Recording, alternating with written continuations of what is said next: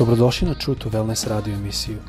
Da saznate više o nama, posjetite naš website truetowellness.com. A sad, vaš domaćin, dr. Todorović.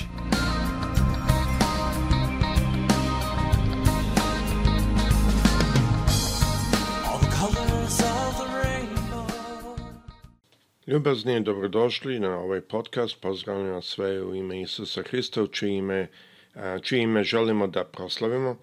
Ovo je sada drugi deo da govorimo o Hristu. A, prvi deo smo govorili o njegovom susretu sa Samerankom iz Evanđelje po Jovanu, prva glava. spomenuli smo malo kakav je to teritorija. Mislim da je bitno da razumemo koliko je tu velika razlika. Jerusalim je negde na, da kažemo, oko 800, 700, 800 metara iznad nadmorske visine gde mrtvo more je dole oko 400 metara ispod nadmorske visine. Obično to bio put kada su išli, a Isus izabrao da ide kroz a, Samariju, koji je put kroz planine.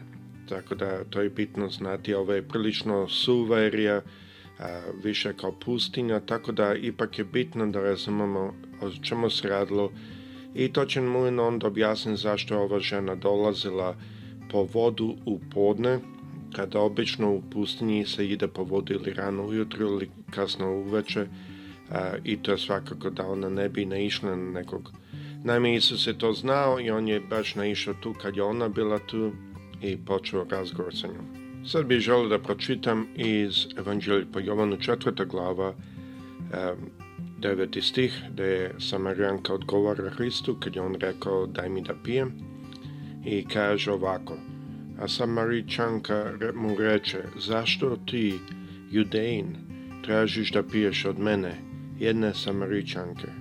Pošto se Judeji nisu slagali sa Samaričanima.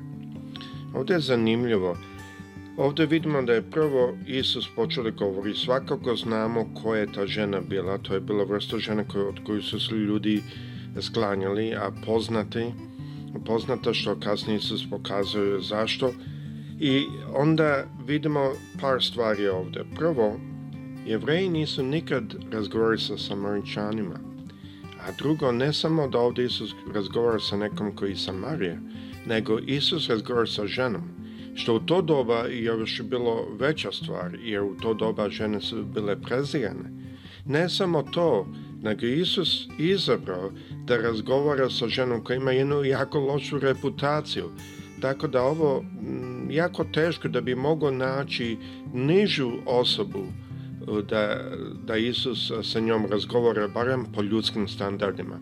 A vidimo da je Isus, naš gospod, izabrao ovu osobu i ovu situaciju da podali evanđelje među Samaričanima.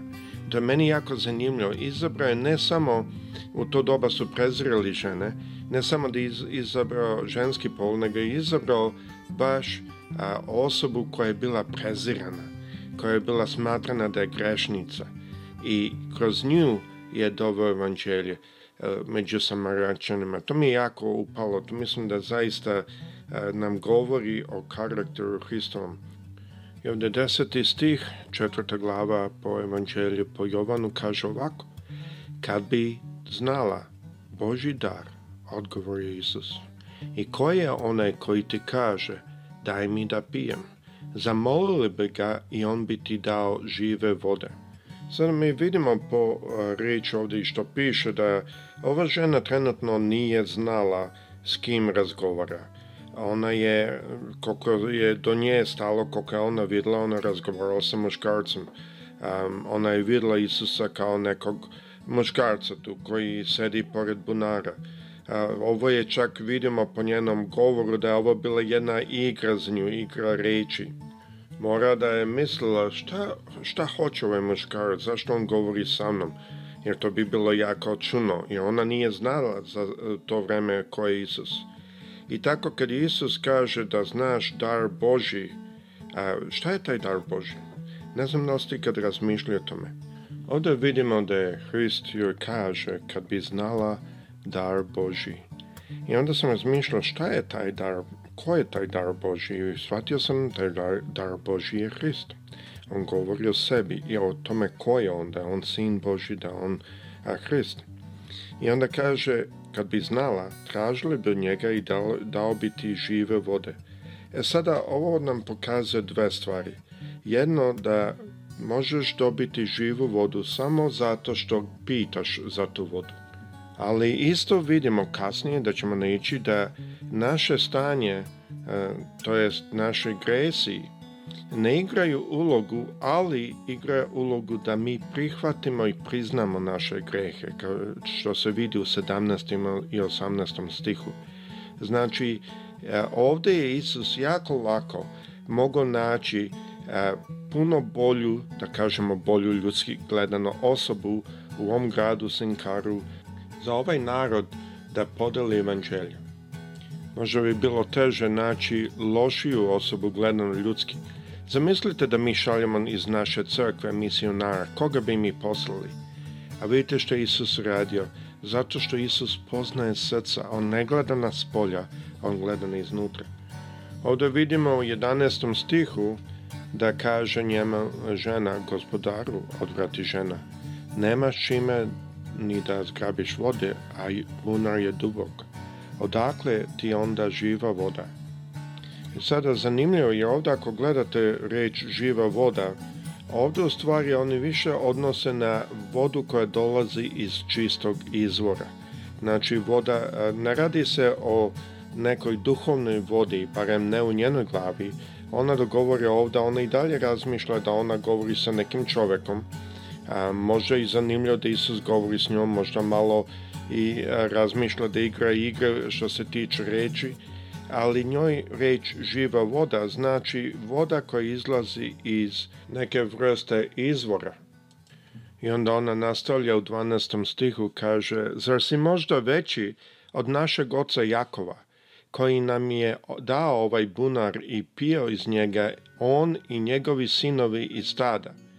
Znači ovdje i dalje vidimo ona i dalje gleda Isusa kao nekog čovjeka i ono što u stvari pita je da li si ti jači ili da li imaš mogućnosti da dohvatiš bolju vodu nego što mi ovde imamo. Ovo je bila, zato što je bila ovo pustinja, obično u pustinji bunari su jako duboki, zato što moraš ići duboko dole da dobiješ vodu, a mnogo puta i čak i po 100 metra dole idu. A, tako da ovaj bunar nije bio plitak, on je bio prilično dubok jer to je ipak pustinja, u pustinji voda i dalje se nađe, ali se nađe puno dublje dole i ona je razmišljala u smislu bunara kako je bunar građen. Ona nije razmišljala o religiji. Još uvek njoj religija nije do, a, dolazila na pamet. I sada Isus ovde kaže, kogod pije ovu vodu, odgovorio Isus, opet će ožednati. Znači ovde Isus govori u 13. stihu i kaže, kogod pije ovu vodu, ožednat opet. E sada, to je nama jedna a, poruka To je poruka za nas da ništa na ovoj zemlji ne može da zadovolji skroz. Koliko god dobru vodu da nađemo, da nađemo tu vodu što ona misli, to jest voda iz e, čistog izvora i dalje moramo doći nazad da pijemo opet. što god nađemo na ovoj zemlji ne može da nas zadovolji naše duhovne potrebe. Mi vidimo ovde da kogod pije iz zemaljskih stvari, u opet će da požedni ili da zažedni. A on kaže dalje, Isus kaže u 14. stihu, a ko pije vodu koju mu ja dajem, neće ožedne doveka. Voda koju mu dajem postaće u njemu izvor vode koja uvre u večni život. E sada ovde Isus počinje da a, vodi temu više ka duhovnoj strani. A ovde je prvi put da, da se unosi tema, to jest večni život. I šta to znači? Ovde Isus nama svima daje jedan odgovor, ne samo ovoj ženi. Isus ovde pokazuje da ako hoćemo da smo veseli, ako hoćemo da smo zadovoljni, moramo da postanemo izvor vode. Sada, zašto izvor vode? Zato što ako mi postanemo izvor vode, drugi mogu da dođu da piju odatle uvek ima dovoljno vode, uvek ima dovoljno za život i to postaje nešto što je divno drugima. I hrišćanstvo je namenjeno da bude tako, da mi budemo izvor vode za drugi, da mi uvek imamo dovoljno vode i da ima dovoljno za sve druge pored nas i da mi postanemo jedna odreševenost za drugi narod. Mi trebamo biti narod koji donosi mir, narod koji donosi jedno pokojstvo, narod koji pokazuje i na ljubav, narod koji živi jednim životom koji drugi žele da dobiju. Ima jedan komšija koji smo malo ga upoznali u Srbiji da imamo tamo kuću isto. I on kaže, kad sam pričao, ne znam ni zašto to rekao, kaže, tako divno videti bračni par koji se dobro slaže. Ja prosto iznenađen. Um, nešto smo, um, moja žena me pitala da kupim nešto i ja sam rekao, nema problema, idem sada anyway dol, pa ću kupit. I ona zna već neko vreme. I ja onda sam razmišljao posle, pa on vidi stvari koje ja ne vidim u mom životu. Da li on vidi možda stvari koje ja ne vidim, koje ja ne želim da vidim? Mi moramo biti izvor žive vode za ljude pred nas.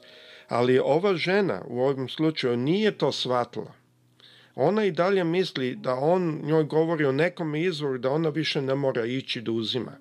Ona i dalje ne svaća da ona radi sa, sa a, Hristom, sa a, Sinom Božim. Ona misli ovo je neki čovek da kažem možda magiju ima neko koristi ili nešto u tom smislu, ali ona ne svaća o kome se radi ovde. I to vidimo u njenom izrazu ovde u 15. stihu da kaže gospodaru, rećemo žena, daj mi te vode da ne želim i da ne moram da dolazim ovamo da zagrabim vode. Znači oni dalje razmišlja fizičku vodu, ona ne svaća o čome Isus govori ovde. I mi moramo isto shvatiti da i kada se obratimo, kad smo hrišćani, kada mu služimo, i dalje ima telesne potrebe koje ćemo mi morati imati, uzimati vodu, uzimati hranu, a medicinu, jedan, uradit ću jedan put a, e, a seminar malo na medicini, da razumete kako reč Božja govori o medicini. Mi sve te stvari dalje trebamo, ali gospodar našeg života, gospodar odakle mi dobijemo vodu, gospodar kome se mi obraćamo, je Isus Hristo. To je razlika. Jeste, mnoge stvari mogu doktori da urade, neke stvari baš možda i ne mogu, ali Hrist može sve. I na kraju, ja se obraćam njemu. Ali isto svačam da ja moram uraditi ono što me, meni pripada. A meni u stvari pripada ona reč što je Paul govorio Timoteju, pošto ja isto imam loš stomak. A, pa e, baš jutro sam morao radi bolova da uzmem malo crvena vina, ja baš ne volim alkohol uopšte, ali morao sam da uzmem malo na dnu čaše i pomoglo mi. Ono, onaj savjet, ako se sećate što je Paul rekao Timoteju, radi lošeg stomaka, uzmi, nemoj pit vode, nego pi pomalo vina. A to je u stvari, recimo, jedna, jedan pogled medicinski, jer vino do, dodaje acid, što mnogo puta kad je stomak loš nema dovoljno acida i zato je čovjeku muka. Znači, mnoge stvari možemo da naučimo i mnoge stvari mi možemo raditi za nas, ali na kraju svega mi moramo postati taj izvor žive vode koje jedino Hrist nama može dati. Naravno, epizodu ću nastaviti ovde i gledat ćemo dalje, ima ovde još prilično što može da se pogleda. Gospod sa svima vama. Prije.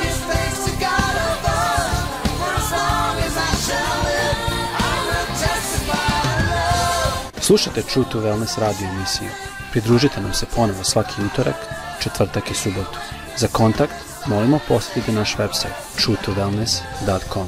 Naša email adresa je info at truetowellness.com.